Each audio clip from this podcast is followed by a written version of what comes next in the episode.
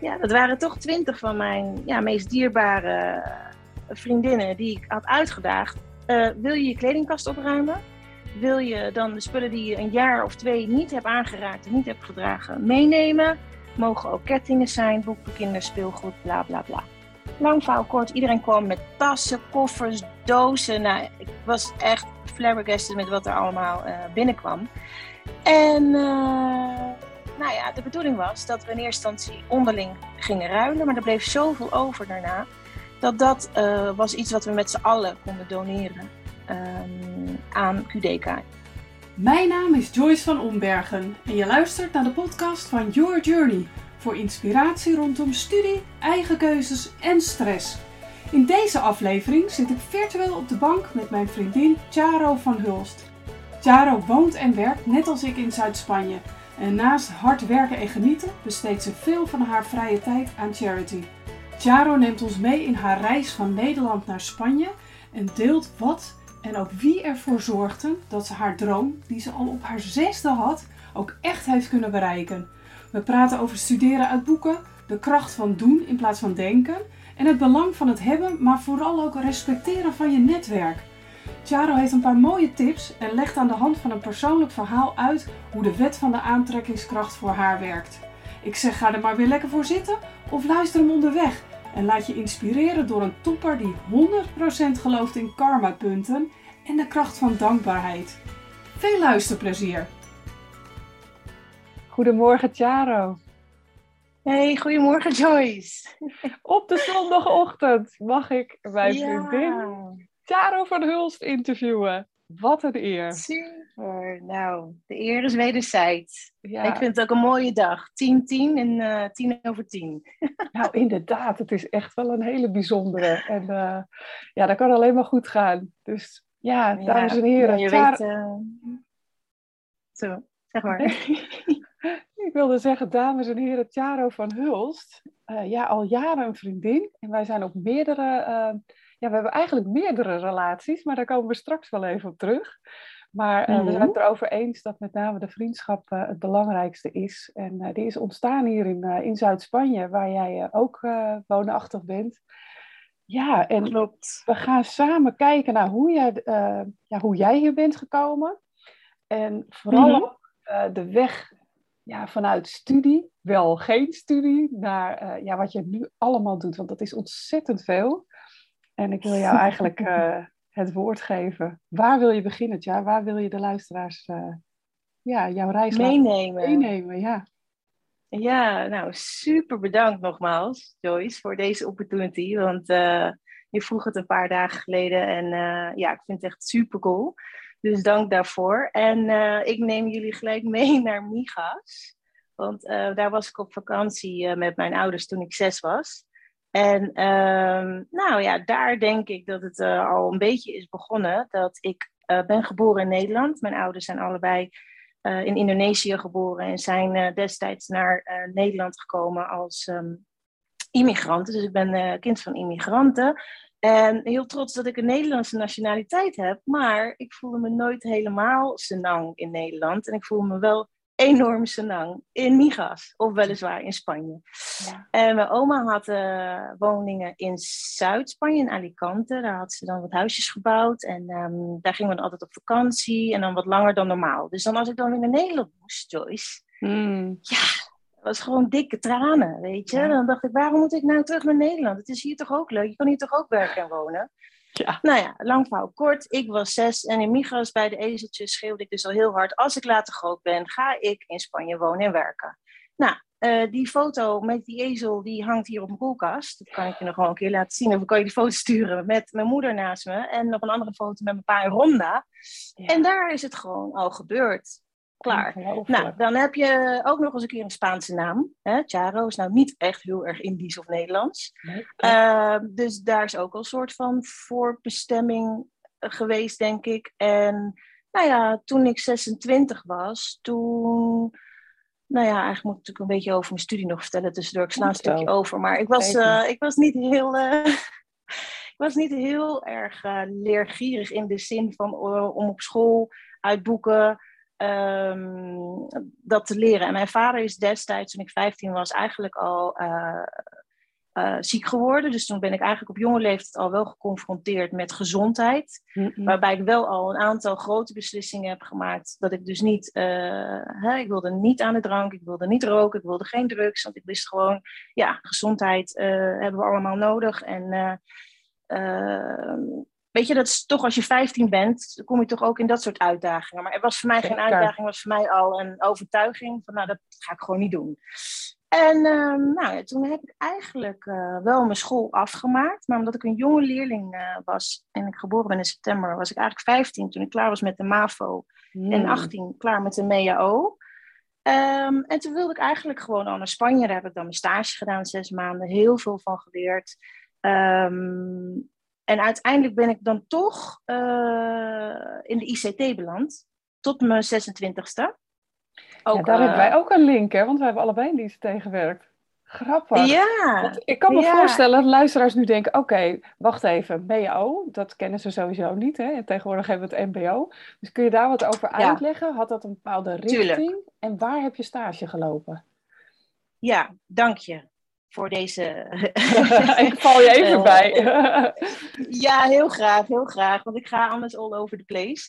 Maar um, ja, MEAO Toerisme ah. in Den Haag, uh, Timbergen College. En daar heb ik stage gedaan in Spanje. Uh, in Estartiet, zes maanden. Dat was eigenlijk eerst instantie drie maanden, maar ik vond het zo leuk en ik mocht langer blijven. Daar heb ik eigenlijk ook een soort multitasking rol gehad, waarbij um, ik begon als hostess voor Soort Holland International. Hè, dus een soort uh, receptiedesk waar je dan de aankomst doet van uh, hotel- of vakantiewoningen. Mm. Hospitality, uh, property management, dat een beetje. En toen ja, kon ik het heel goed vinden met mijn baas. En die zei, joh, nee, als je langer wil blijven, dan kan je bij mijn huis. En dan misschien vind je het dan leuk om een combinatie te doen als au pair. Dus toen ben ik eigenlijk langer gebleven. Ja, en toen ben ik ook uh, au pair geweest van haar kindjes, waar ik nog steeds af en toe op Facebook zie. Die zijn inmiddels al 20 en 25. Ja, oh, geweldig. Uh, ja, dus uh, heel bijzonder. En heb ik ook een hele bijzondere tijd gehad. Waarbij het weer een bevestiging was van, ja, weet je, ik heb A, geen heimwee. B, ik voel dit echt als een, een verlangen en het is gewoon een ambitie. en dus mijn, ja, mijn goal en mijn droom tegelijkertijd was toch gewoon om ja, Nederland op een bepaald moment te verlaten en een nieuw leven te starten in, in Zuid-Spanje. Ja, joh. En, echt, uh, echt determined, ja, hè? Vanaf je zesde is dat gewoon altijd in je leven geweest. En ja, ben je daar van alles aan gaan doen. En zo'n stage, was dat makkelijk te regelen? Heb je, daar, uh, heb je het via school geregeld? Uh, had je contacten ook al in Noord-Spanje? Want Alicante is natuurlijk een, nog best een eind weg van Estartit in Noord-Spanje. Ja, nee, goede vraag. Um, nee, ik had geen enkele steun vanuit school. Ondanks dat het toerisme was, moest je alles in het buitenland zelf regelen. Mm -hmm. Dus daar kwamen mijn ouders uh, om de hoek. En uh, waarbij mijn vader ook heel determined uh, mij daarin wilde steunen. En eigenlijk een aantal telefoontjes heeft gepleegd uh, naar aanleiding wat van advertenties, hè, want dat stond vroeger nog gewoon in de krant. De krant, ja. ja. Inderdaad. Uh, en uh, mijn vader was heel erg van advertenties uitknippen en dan drie weken in zijn borstzakje bewaren en dan op een dag een moment vinden om te bellen. En hij vond een magisch moment en dat is gelukt. Ja, dus ik had ook net mijn rijbewijs, want dat was dan ook een, een pre, weet je wel. maar goed, je bent 18, je hebt net je rijbewijs en het enige eigenlijk op basis van motivatie denk ik dat ik, dat ik het ben geworden. Want ik, ik sprak nog niet zo goed Spaans. Ja, en dan ben je ook nog in Catalonië. Dus dan kom je eraan en denk je, nou, ik spreek uh, een beetje basis nou mooi niet. Nee. Dus nee. Um, ja, de journey daar naartoe was uh, met veel dank van mijn ouders. Ja, ja, ja. mooi. 100 procent. Ja, heel mooi. Ja, nog steeds heel dankbaar hoor, voor dat. Ja, dat snap ik. Ja. Dus, uh, nou ja, en toen daarna natuurlijk teruggekomen naar Nederland. Heel bewust gekozen om ja, echt centjes te verdienen zodat ik op mezelf kon wonen. Nou ja, toen ik 26 was, uh, toen heb ik echt besloten, oké, ik denk dat dit nu het moment is uh, om naar Spanje te gaan. Ja. En, hoe heb en je wederom, hè, met hulp. Uh, ja, hoe heb je dat ja. aangepakt? Nou ja, wederom met een soort van ja, plan toch wel. en, en steun van mijn ouders, want heel veel anderen wisten er niet van. Hoor. Alleen mijn beste vriendin van de basisschool, die wist het. En de rest, ja, het is niet iets waar je tenminste wat ik openbaar heel erg aan de grote klok hing. Het was gewoon een, ja, toch wel intern project, denk ik. Dus toen mhm. ik dan ook daadwerkelijk ging, was het voor veel collega's en, en niet inner circle mensen een verrassing. En die dachten, ah joh, ga lekker tjaar. Je komt lekker over zes maanden terug. Doei. Ja. Nou, weet je, dat kan ik me heel goed voorstellen. Maar ja, ik ben redelijk serieus. En, en toch wel ook van, van ja, de lange termijn in, in bepaalde dingen. En als ik dan ja, ergens mee bezig ben, dan wil ik dat gewoon heel serieus doen. En, en zeker voor de lange termijn. En ja, dit was wel iets serieus. En uh, mijn oude steunde me daarin. Dus ik had eigenlijk voor drie maanden budget. En uh, ik kende hier helemaal niemand. Ik sprak geen Spaans, ik had geen huis en geen werk. En uh, uiteindelijk ben ik bij een gastgezin in Malaga, in Pedregalejo, terechtgekomen.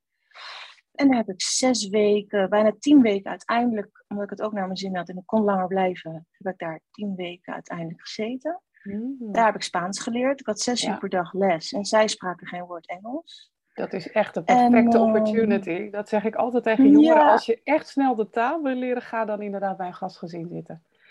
Ja, of vind een Spaanse vriendje of vriendinnetje. Dat wil ook nog wel eens helpen. Maar Klopt. Was, was dat ook de case, uh, Charo? Of was het echt puur, hè, je was on a mission en daar was geen ruimte voor? Of als je dat wilt delen. Nee, uh, ja, nee, grappig dat je het vraagt. Want ik heb in Nederland altijd een Spaanse, Indische vriend gehad. Vijf jaar heb ik met hem samen gewoond. Dus wij hadden in eerste instantie die droom samen. Hmm. Ehm, alleen ja, die relatie, uh, daar kwam een einde aan toen ik 26, nee 25 was eigenlijk. Dus toen, toen ik met hem brak, um, hadden we net een huis gekocht ook in Soetermeer. En er zat een aantal speculatiebedingen op. Dus uh, nou ja, weet je, uh, anders had ik, als wij samen waren geweest, dan hadden wij samen ook naar Spanje gegaan, denk ik. Alleen ja, nu waren we niet meer samen en dacht ik, ja, mijn droom gaat gewoon nog door. Ja. En um, dus dat was mijn eerste Spaanse vriendje. En uh, ja, even denken hoor. Daarvoor heb ik ook een Spaanse vriendje gehad toen ik natuurlijk mijn stage deed in Catalonië. was ik twee jaar met uh, een Catalaan. Uh, dat zijn wel, denk ik, de Spaanse momentjes geweest waarbij ik ook wel mijn taal heb kunnen upgraden. Maar het meeste heb ik gewoon het gastgezin geleerd. En in Malaga tijdens die studie gewoon zes uur per dag rammen. Ja, doen hè. ja. ja. ja. Dus uh, heel blij mee. En ik leer nog steeds elke dag, Joyce. Begrijp niet uh, verkeerd. Want oh ja, dat zeg ik ook altijd hoor. Blijf gewoon doorgaan. Ja. Leven lang leren. Hoe leuk is dat? Ja, ja. Absoluut. Zeker nu in de rol die ik heb en collega's met uh, andere talen hoor ik veel Frans, Italiaans om me heen. En het fascineert me gewoon. Ik heb natuurlijk ook met mijn vader Chinees geleerd een aantal jaren. Uh, voordat ik naar China ging, uh, daar heb ik dan ook zes weken gereisd. Ja, weet je, um, een hele moeilijke taal. Maar ja, ik vind het dan toch wel interessant dat als je ergens een keer op reis gaat of een andere bestemming hebt, dat je iets kan begrijpen. Nou, en, zeker als je in Spanje wil wonen en werken, vind ik het een must. Zeker, zeker. Leer de taal. Jezelf, Eerste, uh, ja, ja. Ik krijg vaak ook de vraag, wat is, je, wat is je, je belangrijkste tip als ik naar het buitenland wil verhuizen, naar Spanje? Leer de taal. het is natuurlijk een enorme ja. dooddoener, maar ja, als jij wil connecten en mensen echt wil... Uh, ja, wil voelen, zeg ik altijd maar. En, en, en met ze kunt communiceren en uiteindelijk misschien zelfs lol met ze kunt hebben, wil hebben. Ja. ja dan zal je toch echt in de taal moeten verdiepen. Zo simpel is het. Maar ja, 100%. Jij, jij gaf ook al aan van hè, um, ja, dat school uit boekjes, daar had je het niet zo mee. Hoe zat dat dan met taal? Want dat, deels is dat ook uit boekjes, maar heel groot deel doen. Hoe, uh, hoe heb je dat ervaren? Ja, nou, ik denk, ik denk dat ik dat ook uh, vanuit huis heb meegekregen. De kracht zit hem in het doen hmm. en niet in het, in het denken. En um, door het doen, hè, dus inderdaad naar een gastgezin gaan en, en het in het diepe gooien, uh, daar voel ik me ook wel redelijk uh, ja, senang mee, omdat ik weet dat ik kan zwemmen. Weet je, ik weet niet hoe lang ik kan zwemmen, maar ik weet dat ik kan zwemmen. Ja. En uh, als het moet, dan moet het. En dat is denk ik ook een beetje mijn stijl. Um, en hoe heb ik dat gedaan? Ik denk deels ook natuurlijk puur op basis van interesse, motivatie en, en ja, je eindweg zien. Van ja, als ik hier wil wonen en werken, dan moet ik gewoon die, die taal onder de knie hebben. En dus ja, misschien is dat een vorm van druk, maar wel op de weg naar mijn einddoel, wat ik dan heel graag wil bereiken. Ja. Uh, en daar, weet je, kan ik dan wel boeken bij gebruiken. Um, en misschien was het ook gewoon dat ik dan toch meer met uh, de ama de casa, dus zeg maar de moeder van, van het gastgezin, uh, echt kon connecten. Omdat zij had een huis, en dat heeft ze nog steeds in Benica met studenten. En um, ja, zij spreekt geen Engels, dus die andere meiden eigenlijk over het algemeen. Dat waren allemaal jonge meiden. En ik was relatief oud. Hè? Ik was 26 toen ik daar ja. kwam. En je moet je voorstellen dat het, ja, die kinderen die dan, of de studenten die dan daar kwamen, ja, waren dan nog 15, 16, 17, waren ook met hele andere dingen bezig. Weet je? Die waren bezig met feestjes of uh, hoe samenspannend buiten even roken. En ja, ik, ik zat daar gewoon weer vol met mijn missie. Op, uh, hallo, ik ga hier een toekomst en een uh, carrière bouwen. Ik moet gewoon Italië leren. Dus ik zat met oma te kletsen en met die casa. En met alle nichtjes en neefjes en alle kinderen die daar aan huis kwamen aanvliegen. Dus op een gegeven moment was ik een soort van lieveling van dat, van dat gastgezin. En ik mocht op een gegeven moment ook bij oma slapen. Want ik ging dan van de bovenste verdieping naar beneden en ik mocht eigenlijk in een privéhuis slapen. Oh. Nou, dat was natuurlijk al heel cool. Dus ik kon met oma heel goed uh, nou ja, novelles kijken natuurlijk. Hè? Die, eh, die, ja, die Spaanse novelles. Ja. ja. Dus ja, mijn Spaans ging in één keer van nou ja, een, een vijf naar een acht en een half. Weet je, met de totale slang en alles wat ik daar van de straat kon leren. Ja. Dus uh, ja, een combinatie van boeken, maar absoluut in combinatie met mensen en de connectie. En, en ja, nogmaals, gewoon straatwerk. Gewoon de straat op en, en, met mijn cv, cv om de arm. Toen had je nog internetcafés en, uh, ja, ja, ja, En, en, en hives. En, en daar schreef ik dan een blog op. En ja, daar heb ik later ook weer mensen via, via uh, op, op leren kennen. En moet je wel zeggen, toen ik ben weggegaan uit uit Nederland heb ik LinkedIn heel serieus aangepakt. Serieus uh, altijd in stand gehouden en opgezet en bijgehouden. Dat heel veel mensen zeiden, nou tja, LinkedIn, zo saai en uh, er wordt helemaal niks. Nee. Maar uh, ik kan je zeggen, de 15 jaar dat ik nu in Spanje ben, heb ik heel veel te danken aan LinkedIn. Ja. Echt heel veel. Ja. En het hoeft niet altijd alleen maar de banen te zijn, maar het is vooral het in stand houden van bepaalde relaties en connecties. Klopt meer dan Facebook of Instagram. En uh, ja, het is toch wel een beetje short term. Nogmaals, ik ben van de, van de lange termijn. En, en uh, LinkedIn is gewoon wel iets wat um, ik denk de studenten tegenwoordig echt serieus zouden kunnen aanpakken. Klopt, ja, ik, die tip geef ik ook altijd. Uh, start sowieso een, een LinkedIn-profiel, maak het aan, want veel studenten hebben dat ja, nog niet gedaan. Soms wordt dat op school wel gemotiveerd of gestimuleerd. Ja. Maar pak het inderdaad serieus aan en check hem ook uh, bij tijd en wijle weer eens. Klopt die foto nog bij wie ik ben? Klopt de tekst nog bij wie ik ben? Uh, wil ik hem in het Nederlands? Wil ik hem in het Engels? Uh, ja, het is toch ja, je eerste indruk. En het is een, eigenlijk een soort zakelijk Facebook. Nou is Facebook natuurlijk ontzettend uit aan het raken bij jongeren. En is meer Instagram. Maar dat LinkedIn, dat is echt niet te onderschatten. Want het, ja, het kan je gewoon ehm, je wereld letterlijk verbreden, je netwerk verbreden. En ik geef er wel dat één tip bij, en jij zal hem ongetwijfeld uh, herkennen. Geef wel even als je iemand uitnodigt, uh, een netjes een berichtje erbij. Zet er iets bij waarom je wil, uh, wil, connecten. Want zeker mensen zoals jij en ik die in het buitenland wonen. En voor jongeren toch best een interessant LinkedIn-profiel hebben. Dat wil ik ook, ja. hoog gehalte. Uh, ja, dan is het gewoon niet handig om zomaar in de blind iemand uit te nodigen. Dat is eigenlijk zelfs een beetje respectloos. Not done. Not, done. is het. Het is not done. ja, herken je hem? Ja, krijgt ze vast ook ja, regelmatig. Ja, ja nee, ik wil daar ook eigenlijk twee dingen over, over toevoegen. Vanuit mijn uh, kant in ieder geval. Iedereen die op mijn LinkedIn staat, heb ik minimaal één keer persoonlijk de hand geschud. Ja. Ik, ik doe nooit iemand anders uh, blind uitnodigen. En inderdaad, als ik iemand krijg die ik gewoon niet ken, zonder berichtje al helemaal. Ja. Uh, met berichtje bedank ik zelfs nog persoonlijk, maar um, nul redenen om, om, om toe te voegen. Omdat mijn netwerk is mijn net worth. Ja. En Mooi. Mijn, Mooi. mijn, ja, maar dat is echt zo. Want ik, eh, ik voel me heel rijk door mijn, mijn connecties en mijn, mijn inner circle en, en mijn, ja, mijn vrienden. En, en nogmaals, daar hoor jij dan dus ook bij. Ja, weet je, die zijn mij gewoon heel dierbaar. Net als, de, ja, het is gewoon heel belangrijk. En ik vind gewoon, daar kom je ook gewoon niet zo makkelijk in. En als je erin zit, kom je er ook niet zo makkelijk uit. Ja, ja die herken ik. Dat hebben we allebei. Ja, dat je ook heel loyaal bent naar, uh, naar die mensen. Ja. Dus ja, uh, wees daar uh, naar jezelf toe, maar ook naar de ander toe heel respectvol in.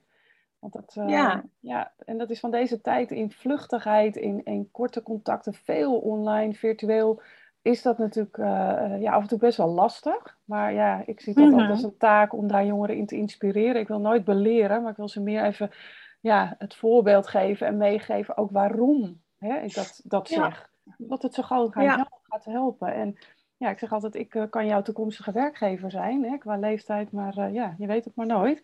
Dus um, ja, zo werkt het. Maar mooi dat jij dat ook zegt, ja. Want ja, LinkedIn, my, my network is my net worth. Ik herhaal hem nog heel, heel even, want hij is, oh, prachtig. Hij is prachtig. Ja. ja, super simpel, maar wel met een boodschap. En dan het tweede puntje wat ik nog even wilde afmaken is dat um, ik had altijd uh, de ambitie om internationaal te werken. En daar helpt LinkedIn natuurlijk ook uh, enorm bij. Weet je, dat je dan toch makkelijker met internationale contacten uh, in contact kan blijven. Ja. En uh, ja, dat was hem. Ja, mooi. Ja, belangrijk, want eh, de reden erachter is gewoon zo belangrijk. Want ja, je kan wel zeggen, ja, dat moet je zo doen. Maar wij weten natuurlijk uit ervaring dat het ook, ja, het kan zelfs tegen je werken.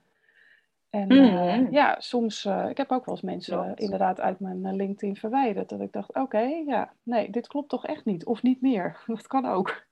Ja, ja klopt. Ja. en dat, dat is gewoon ook een filter. En dat leren mensen in ieders leven op een eigen moment. Ja. Dat, je weet precies wanneer je uh, de profiteurs uh, om je heen ruikt, bij wijze van spreken. Ja, klopt. Ja, ja, de, ja, de mensen die alleen zenden hè, en, of alleen maar willen halen en daar niet iets. Kijk, het hoeft niet altijd een uitwisseling één op één te zijn. Hè? Daar geloven wij allebei volgens mij ook niet in kan ook gewoon een pay it, pay it forward zijn. Hè? Ik doe iets voor jou, jij doet iets voor een ander. Helemaal goed. Ja. Maar het is inderdaad een soort gut feeling. Ja, ja. Mooi. Absoluut. Hey, en, mm. en jaar, toen ben je met je cv onder je arm uh, rond gaan stappen. Wat was je eerste ja. ba baan die je landde? Ja, dat was bij Hypotienda, bij Saskia Gruiters. Met, uh, ja, ik was eigenlijk uh, daar met mijn ouders op uh, gesprek voor een hypotheekaanvraag. en ja, dat is toen uiteindelijk, ja, is dat tijdens dat gesprek naar boven gekomen. Dat um, zij vroeg van, oké, maar wie gaat er dan wonen? wat is dan het, het, familieplan? Want er was een soort van gezamenlijke droom en nou ja, eh, mijn ouders hadden inmiddels een huis in, in Noord-Spanje. Dat moest dan verkocht worden in Girona. Ik had natuurlijk een woning in Zoetermeer. Uh, dat wilden we dan uiteindelijk verkopen en bij elkaar. En dan hier in Migas. Nou ja, zo gezegd, zo gedaan. uiteindelijk heb ik de hypotheekaanvraag en de baan gekregen. Geweldig. Dus in dat gesprek was de klik, klik daar. En het ja. kon wel iemand gebruiken zoals Jaro. Ja, wie niet? Ja, zo ging het letterlijk. Nou, dank je. Maar dat was wel echt zo. We zaten in het gesprek en toen zei ik, wil je mijn cv? En toen zei ik, welke taal? Ja, zegt ze, doe maar in het Engels en in het Spaans. Nou, en ik had hem in drie talen, had ik hem in de tas zitten. En ja, een paar weken daarna mocht ik op gesprek komen. Eén keer in het Nederlands, één keer in het Engels. En ja, echt op het laatste moment. Ik denk dat ik nog een paar honderd euro van mijn budget over had, Joyce. Joh. Echt. Ja, ik had het Spaans benauwd, letterlijk. Moeten we ook allemaal een keer meemaken, hè? dat. Ja, ja maar toch, uh, nogmaals, als je echt heel graag iets wilt in je leven, of uh, ja, ik weet gewoon zeker als je die focus goed hebt. Je ergens je hart volgt en denkt, nou ja, ook no gods, no glory, dan gaan dingen toch ook soms vallen. En, en het is me gegund. En, en uh, ik heb het met heel veel plezier gedaan. Ik heb daar heel veel geleerd. En tot op de dag van vandaag uh, zijn Sas en ik uh, hele goede vriendinnen. Ondanks dat ze natuurlijk destijds mijn... ik was haar klant in eerste instantie. Toen werd zij mijn baas. En inmiddels zijn we goede, goede vriendinnen. En ja, zie ik er veel te weinig. Maar goed, dat, dat terzijde. ja, maar, maar die vriendschap blijft. Ja, ja, mooi. Ja, hoe bijzonder. En wat je zegt, nog een paar honderd euro en Spaans benauwd. Maar ergens toch, uh, ja, doordat je zo determined bent geweest en wil blijven doen en de droom houdt, mm. ja, ik geloof er ook in, dan gebeurt het. En dan uh, dwing je het een soort van af. Ja, ja. Maar wel blijven doen. Absoluut. daar zit nog wel eens een misverstandje. Want uh, hij komt regelmatig in de podcast uh, voorbij, hè, de wet van de aantrekkingskracht. En we komen straks even op jouw boekentips. Daar zit er één uh, bij die hierop aansluit, weet ik. 120 Ehm, procent. 120 procent. ja, dus, maar dat betekent niet dat je alleen maar leuk eh, eh, vision boards moet maken, eh, mediteren, eh, visualiseren. Je moet toch ook echt dingen gaan Nee. doen? Wil het, wil het gebeuren? Absoluut. Ja, Absoluut. mooi. Ja, en Klopt. naast jouw werkleven, want je hebt daarna nog eh, een, een aantal andere eh, uitdagingen mogen aangaan. Weet ik, Mhm. en die wil ik niet eh, onbesproken laten, dat jij al heel lang, eigenlijk volgens mij sinds je in Spanje bent, bezighoudt ook met ja, charity. En dat past fantastisch bij je naam na- natuurlijk. Dus wil je daar iets over vertellen? Want- Ja, nou hartstikke leuk. Graag zelfs. Ehm, ik wilde in Nederland eigenlijk altijd wel al iets goeds doen. Ehm, maar bij gebrek aan tijd ging ik eigenlijk alleen maar naar de bloedbank. Eh dacht ik, doe ik nog iets goed? Zit ik twee uur in de stoel. En eh, ja, ik heb geen issues met naalden of met prikken. Dus ik dacht, nou dan doe ik nog iets goed. Maar toen ik hier kwam in Spanje, toen voelde ik dat ik een soort van eh, acht uur extra heb. Oké, ze hebben allemaal 24 uur in een dag. Daarvan slaap ik er acht. Daarvan werk ik er acht. En in Spanje heb je dan ook nog acht uur over. Want in Nederland houdt het allemaal om zes uur op. Maar hier in Spanje gaat alles wat langer door. Klopt. Winkels sluiten tussen tien en elf. Ik kon nog om negen uur naar de kapper. eh, nou ja, dat. Dus ik dacht, oké, nou heb ik geen excuus meer. Dus, nu heb ik tijd. Dus nu moet ik eigenlijk iets echt met charity doen. nou, toen eh, kwam ik een op de andere dag ergens in 2009 op de naam Charity bij Charito. Eh, dat heb ik een beetje gebrand. Heb ik eh, nog iemand eh, uiteindelijk, die is op mijn pad gekomen, die heeft toen ook mijn website gedoneerd. Die heeft het voor mij gedesigned en opgezet. En zo kwam een beetje Charity bij Charito tot leven door eigenlijk mijn vriendinnen uit te nodigen bij mij thuis. Ja. Ik had wat lumpia's en wat Ja. eh risoles en wat Indische hapjes. Was je daarbij? Jazeker, jazeker. Oh ja, jij nam nog citroenen mee. En ook nam... En mijn dochtertje, Ja, die inmiddels. 20 is. Ja, ja. Ah, doeg, ah, doeg. Ja, dus jij was daarbij. Ja, Ik dat was heel goed. En ja, dat waren toch twintig van mijn ja, meest dierbare vriendinnen die ik had uitgedaagd. Eh, wil je je kledingkast opruimen? Wil je dan de spullen die je een jaar of twee niet hebt aangeraakt of niet hebt gedragen meenemen? Mogen ook kettingen zijn, boeken, kinderspeelgoed, bla bla bla. Lang verhaal kort, iedereen kwam met tassen, koffers, dozen. Nou, ik was echt flabbergasted met wat er allemaal eh, binnenkwam.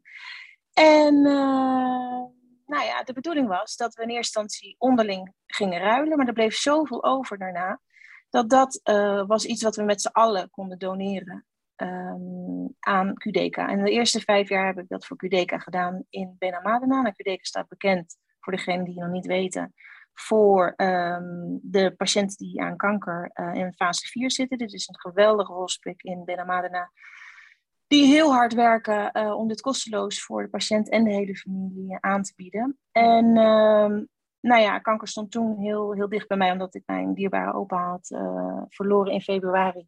En ik heel bewust had gewacht tot hij kwam te overlijden voordat ik mijn reis zou starten. Dus ik ben, hij is toen denk ik februari overleden en ik ben in mei 2006 naar Spanje gekomen.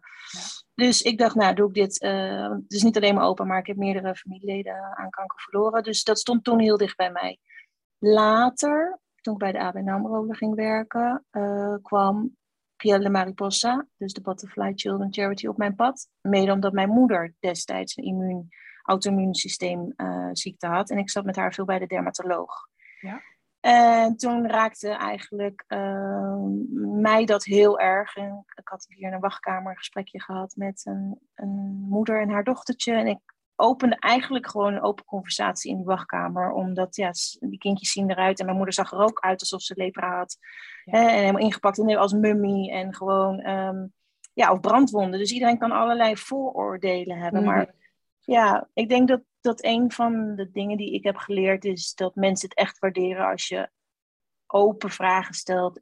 En ja, niet alleen maar naar mensen staart, weet je. Je kan gewoon beter vragen, joh, mag ik vragen Ja. wat er met uw kindje aan de hand is? En ja, ze is eigenlijk schoot zo vol dat ze zegt, nou, ik ben hartstikke blij dat ik het je kan uitleggen. Ja, En eh, nee, dat raakte me zo dat ik heb toen eigenlijk eh, vanaf 2011, 2012 gekozen om charity bij Charito in te zetten voor deze kindjes. En ja, dat is dus een, een eh, zeer zeldzame huidaandoening. Epidermolysis bullosa heet dat. Eh, in het kort is dat EB. En die kinderen worden geboren met een huid zoals een vlinder. Je kan ze niet eens knuffelen, want als je ze dus al knuffelt, krijgen ze open blaren en die herstellen nooit meer. Dit is een, ja, een van de meest pijnlijke ziektes in de wereld en bijna niemand weet ervan. Ja, ja, ik probeer op mijn manier een beetje aan hun. Uh, ja, ik probeer een beetje mee te helpen aan de brand awareness. In de zin van um, ja, dat mensen erover horen, dat mensen mij kunnen vragen van Jotjaar, wat, wat is dat nou precies? Wat kan ik dan doen? Uh, want we kunnen met z'n allen zo ontzettend veel goeds doen. Ja. Het hoeft echt niet uh, met geld. Hè. Het kan ook inderdaad naar een charity shop gaan en je kleren daar brengen. Um, het, het, kan zijn dat je een keer wil je vrije tijd wilt doneren en uh, mij wilt helpen met kerst cadeautjes inpakken. Er zijn zoveel andere manieren om iets goeds te doen, maar ik denk dat dat de meest grootste gratificatie is voor um, ja, het zijn, zeg maar. Hè? Dat als jij iets goeds doet, daar komt op een dag uh, in, in tienvoud komt dat weer naar je terug. En mm. ja, dat is niet iets wat je op school leert. Nee, nee dat klopt. Nee, het is niet standaard in het lespakket. Laten we vrijwilligerswerk doen. Nee, nee dat klopt. Nee, Nee, ja, en dat zou denk ik toch best wel ergens uh, gemotiveerd kunnen worden. Want ik geloof heel erg in karma credits. Mm-hmm, me too. en uh, ja, dat uh, heeft mij tot op de dag van vandaag. En ik weet zeker dat ik daardoor ook mijn komende dromen en doelen kan, kan behalen. Ja. En dat is mede door hè, ook, ook jullie als nou ja, mijn inner circle en, en vriendinnen en vrienden en, en ex-collega's en bazen. Ja, de, je helpt elkaar gewoon door hele simpele dingen. Door even te vragen van, joh, Char, uh, je bent je baan kwijt bij ABN AMRO. Ik weet niet of je iets kan aanbieden, maar laten we even koffie doen. Ja. Of, uh, ja, weet je? Uh, ja. Eens. Nogmaals, het zit hem echt in heel veel kleine dingen. Het zit hem niet in de grote dingen, maar het zit hem juist in heel veel kleine dingen doen. En goed doen. En kleine dingen inderdaad. Kleine dingen goed doen, inderdaad. Ja, zeker. Ja, en dat, dat wat je zegt, die karma credit, hè? vroeger een ouderwetse uitdrukking, maar wie goed doet, goed ontmoet. Uh, ja, zo is het gewoon. En daar begint en eindigt het. En het is inderdaad jammer dat er op school, uh, ja, het, zou, het zal wellicht in, uh, vroeger hadden we maatschappijleer, dat heet nu anders, ik kan even niet op de naam komen. Maar daar zal ongetwijfeld wel eens een keer iets voorbij komen, maar het is, denk ik, de fundering van, van de samenleving, als je hem helemaal naar de basis trekt.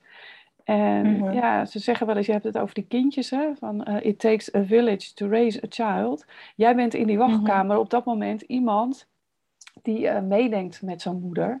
En dan uh, misschien niet per se in de opvoeding, maar wel in de opvoeding van de mensen om haar heen. Dus ja, prachtig. Ik hoop het. Ja, ik hoop het. Nou, ik weet het, ik weet het. En ik eh, ben uh, bij heel veel van jouw events geweest. En ik zit nu te denken, wellicht niet bij de allereerste, maar zeker in Migas uh, dan de tweede, denk ik. Dus jarenlang al. En jij doet dat met zoveel enthousiasme en met zoveel passie. En ja, dat, dat is gewoon ontzettend mooi om te zien. En dat inspireert. En ik weet zeker dat je dan ook het butterfly, hè, dan gaan we nog wel even die taal verder, effect krijgt. Mhm. Dat wat jij doet, ja, dat heeft een butterfly effect. Dat heeft een effect op de mensen om je heen die dat dan ook gaan doen. Of in ieder geval een paar.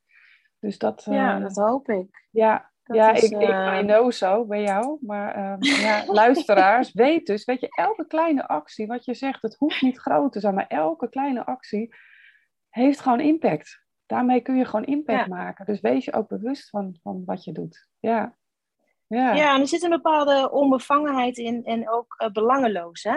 Dus je doet iets gewoon en je verwacht er niks voor terug. Ik denk dat dat ook uh, veel meer waarde zou moeten hebben. Want het is niet ja. uh, oog om oog, tand op tand, of ik doe iets voor jou en nu verwacht ik iets van jou iets terug. Of uh, weet je, nu heb ik betaal en de volgende keer betaal jij. Nee, dat hoeft helemaal niet zo te zijn. Nee. Um, ik denk juist die belangeloosheid is um, magisch. Ja. Magisch. Ja, nou, ik, ik zie jongeren wel uh, veel meer uh, weer ook naar het delen. Waar, waar, je vroeger allemaal je eigen auto, je eigen, nou ja, van alles eigen, eigen, ik, ik. Uh, komt er nu wel meer ook ehm, ja, een samenleving waarin we naar delen gaan. En ik zie jongeren daar ook minder belang aan hechten, aan die eigen dure auto. Van, nou, ik kan hem toch ook, ik woon in de stad en dan, dan heb ik gewoon zo'n deelauto of ik huur hem af en toe. Of, ja. ja dus dat, en kleding ook inderdaad. Dat, het is nu wel meer, meer aan het terugkomen, wat natuurlijk super belangrijk is. En, uh, ja, super. Ja, ja, Ik, uh, ik support het ook enorm en ik gebruik daarin ook altijd sharing is caring. Ja. Um, en ik geloof daar ook heilig in, want um, ja, ik geloof dat als je inderdaad dat met elkaar kan delen, dat je delen is ook vermenigvuldigen. Ja, klopt. Ja. Ja, gebruik ik ook regelmatig. En het is echt waar. het is echt waar. Delen is vermenigvuldigen. Ja. Ja, nou nu we het over delen hebben, we hadden het net al over dat je een aantal mooie boekentips hebt. Zou je ze met ons mhm. willen delen het jaar? Want het zijn echt hele mooie. Ja, uh, nou, nou zit ik zelf uh, tussen mijn eigen boeken en soms ben ik eigenlijk een beetje vergeten. Had ik de Boeddha aan de Badass gedaan? Ja, zeker. Had ik... ja. Oh ja, oké. ja, ja, dus de Boeddha en de Badass is eigenlijk een, um, een boek wat uh, op mijn pad is gekomen door Instagram. Dus uh, de schrijver die had allerlei filmpjes en die kwamen toch wel regelmatig voorbij. Dat ik dacht, nou, hè, ik klik toch maar eens een keer open. Mm-hmm. En het boek heb ik hier besteld bij de lokale boekhandelaar in, in Guadamina. En dat lees ik in het Engels. En dat helpt mij enorm eigenlijk uh, in mijn ja, werkrelaties. Uh, dus zeg maar, het is een soort spirituele kunst om het succesvol te zijn in het zakenleven. Ja. Uh, en ik, ik word altijd een beetje omschrijft als, als een boeddha. Ja. Um, en tegelijkertijd moet ik dat zakelijk uh, in een soort van nieuw format gieten, waarbij dus niet mensen over me heen lopen. uh, met alle goede bedoelingen. Maar um, ja, dus de mix te vinden tussen de Boeddha en de badass. Dat, dat, daar ligt denk Leuk. ik ja, de, de tactiek van inderdaad een bepaalde transformatie. En hoe kan je nou teams ook op um. Hè? Dus ik geloof heel erg, ik ben zelf een teamplayer. Um, schaamteloos. Ik bedoel, dat is niet iets uh, waar ik trots op ben, maar ik, ja, ik voel me daar gewoon zang, senang mee. En ik heb ook altijd teamsports ge, gespeeld vroeger. Um, ja, ik voel heel erg daar de kracht in, zeg maar. En dan het andere boek, dat is De Vier Inzichten van Don Miguel Ruiz. En ja, dat is eigenlijk een oude wijsheid van uh, Tolteken. Ik zal ze even openen, want ik heb dit uh, in 2019. Ik schrijf altijd aan de binnenkant van het boekje mijn naam en de datum en van wie ik het heb gekregen. Uh, ja, en dit is um, vier eigenlijk hele simpele inzichten. Wil je dat ik ze even opnoem? Ja, heel goed. Uh, wees onberispelijk in je woorden. Vat niets persoonlijk op. Ga niet uit van veronderstellingen. En doe altijd je best. Wauw, simpel, wat ja. ja, en het is echt een heel klein boekje. Het is echt maar, uh, nou ja, 141 pagina's. En uh, ja, die lees ik uh, regelmatig nog. Ja. Net als het volgende boekje wat ik je nu ga aangeven, dat is The Secret. Mm -hmm, daar is die. Die lees ik sinds 2000, daar is die. Sinds 2008 op mijn pad gekomen en lees ik minimaal nou ja, om het anderhalf jaar kom ik hem wel weer ja. uh, tegen en sla ik hem open op een, op een bladzijde wat ik op dat moment weer nodig heb. Maar uh, ja, zo ontzettend belangrijk geweest in het proces van de verkoop van mijn woning in Soetermeer. Want die heb ik dus net uh, voordat die crisis in 2008 begon, ja. heb ik die kunnen verkopen. Op basis van ja, toch het lezen en het uitvoeren van, van deze kracht en van de secret en ja, dat doe ik eigenlijk nog steeds uh, veel, regelmatig. Niet elke dag, maar uh, ik probeer het wel in stand te houden, omdat het me al heel veel dingen heeft gebracht. Ja. Ander voorbeeld, Joyce, maar dat is heel wat anders. je moet je voorstellen, er is twee keer in mijn auto ingebroken.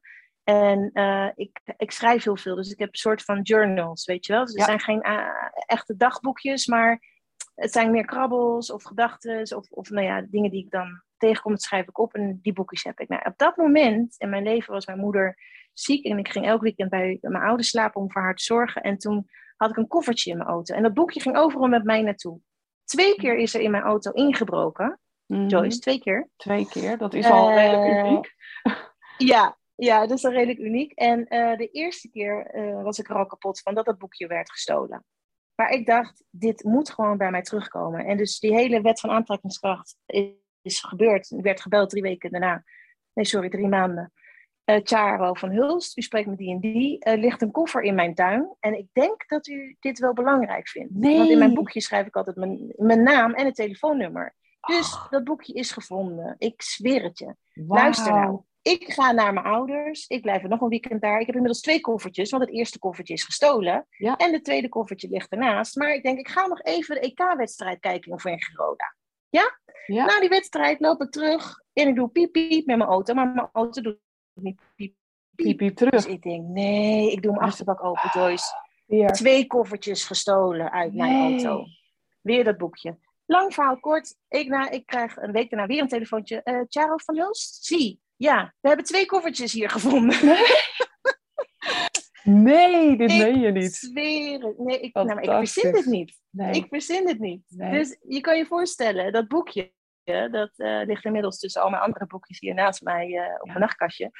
Uh, daar staan twee datums in dat het is gestolen en twee datums dat het is gevonden op basis van of dat nou effect heeft gehad of niet. Maar ik kon alleen maar overtuigd zijn van het komt een keer bij me terug. Het kan niet zo zijn nee, dat dit weg is. Uh, dat dit weg is. En, en ik geloof er heilig in. Ja, daar geloof je in. En ik ook. Maar nu is de luisteraar benieuwd van ja, maar hoe dan? Want je kan denken van het komt terug.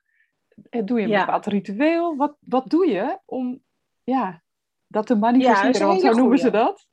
Ja, dat is absoluut waar. En uh, dat doe je op een gegeven moment. Iedereen vindt zijn eigen stijl en tempo. Hè? Ja. Maar hoe ik het doe, is ik, ik zie het moment voor me. Niet zozeer op detail dat je dan inderdaad een man met een bril uh, of zo, weet je dat niet. Maar je ziet het moment voor je dat. En dat gevoel wat je er dan bij hebt, is dus eigenlijk meer uh, positief hè? en, en, en uh, geluk en joy wat je dan voelt, um, dat het bij je terugkomt. En heel veel mensen zijn of in de war, verdrietig, bezig met een negatief gevoel op het moment dat iets van je wordt afgenomen. Ja. En um, op het moment dat het van je wordt afgenomen, is de boodschap: hoe belangrijk is dit nou eigenlijk voor je? Hmm. Hoe, uh, hoe hard heb je dit nou eigenlijk nodig? Heb je dit boekje nou eigenlijk nodig?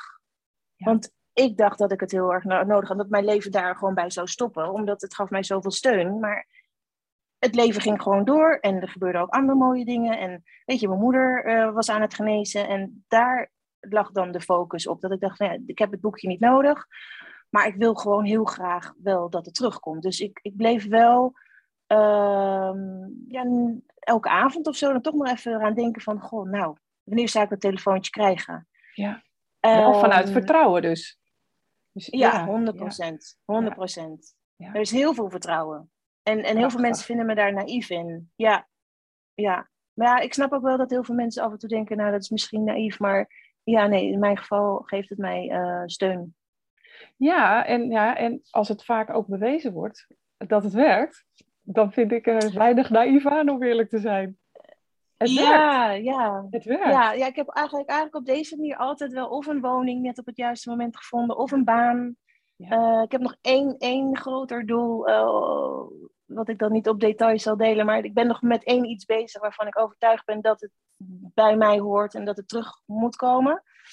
En daar heb ik nog wel uitdagingen aan. En ook dat moet ik loslaten. Want dan waarschijnlijk op het moment dat ik het echt loslaat, zal het, zal het komen. Ja, ja, ja. ja. Mooi. Dus Mooi dat je het deelt, uh, Charo. En nou ja, hierover, ik noem hem ja, nog een keer. Heb, ja, graag gedaan. Hierover is, uh, heb ik ook een podcast opgenomen, De Wet van de Aantrekkingskracht. Dus mocht je deze luisteren en denken, hé, hey, ik wil er nog meer over weten, scroll dan even terug, dan vind je er een.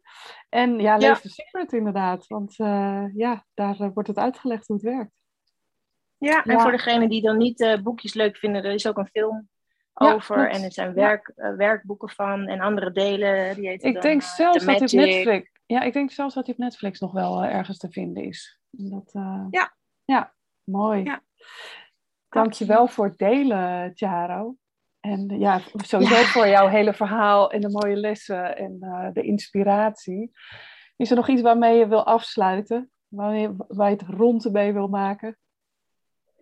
Nou ja, eh, heel graag gedaan, Joyce. Ik, uh, de, nogmaals, de eer ligt volledig bij mij. En ik zou willen afsluiten van het jaar uh, toch een beetje de, ja, de dankbaarheid, de attitude of, of gratitude. Um, ik denk dat dat ja, iets is wat uiteindelijk voor mij echt de basis is. Als je gewoon dankbaar bent met alles wat je wel hebt en niet alleen maar kijkt naar wat je niet hebt, ja, denk ik dat je al soms twee stappen vooruit bent. Ja, zeker weten. Mooi. Dus ehm, ja. ja. Waar kunnen de luisteraars jou, uh, jou volgen? Op social um, media? Nou, ja, ik zou zeggen LinkedIn natuurlijk. Ja. Um, daar ben ik uh, redelijk constant in de zin van ik post zeker niet elke week iets, maar um, nou ja, goed, zakelijk uh, kunnen mensen zeker naar aanleiding van de podcast uh, linken naar Joyce en dan uh, een persoonlijk berichtje bij me achterlaten. Precies, die niet dan, vergeten. Dan is, er, dan is er een link, weet je. En um, voor de rest zit ik op Instagram en Facebook. Ja.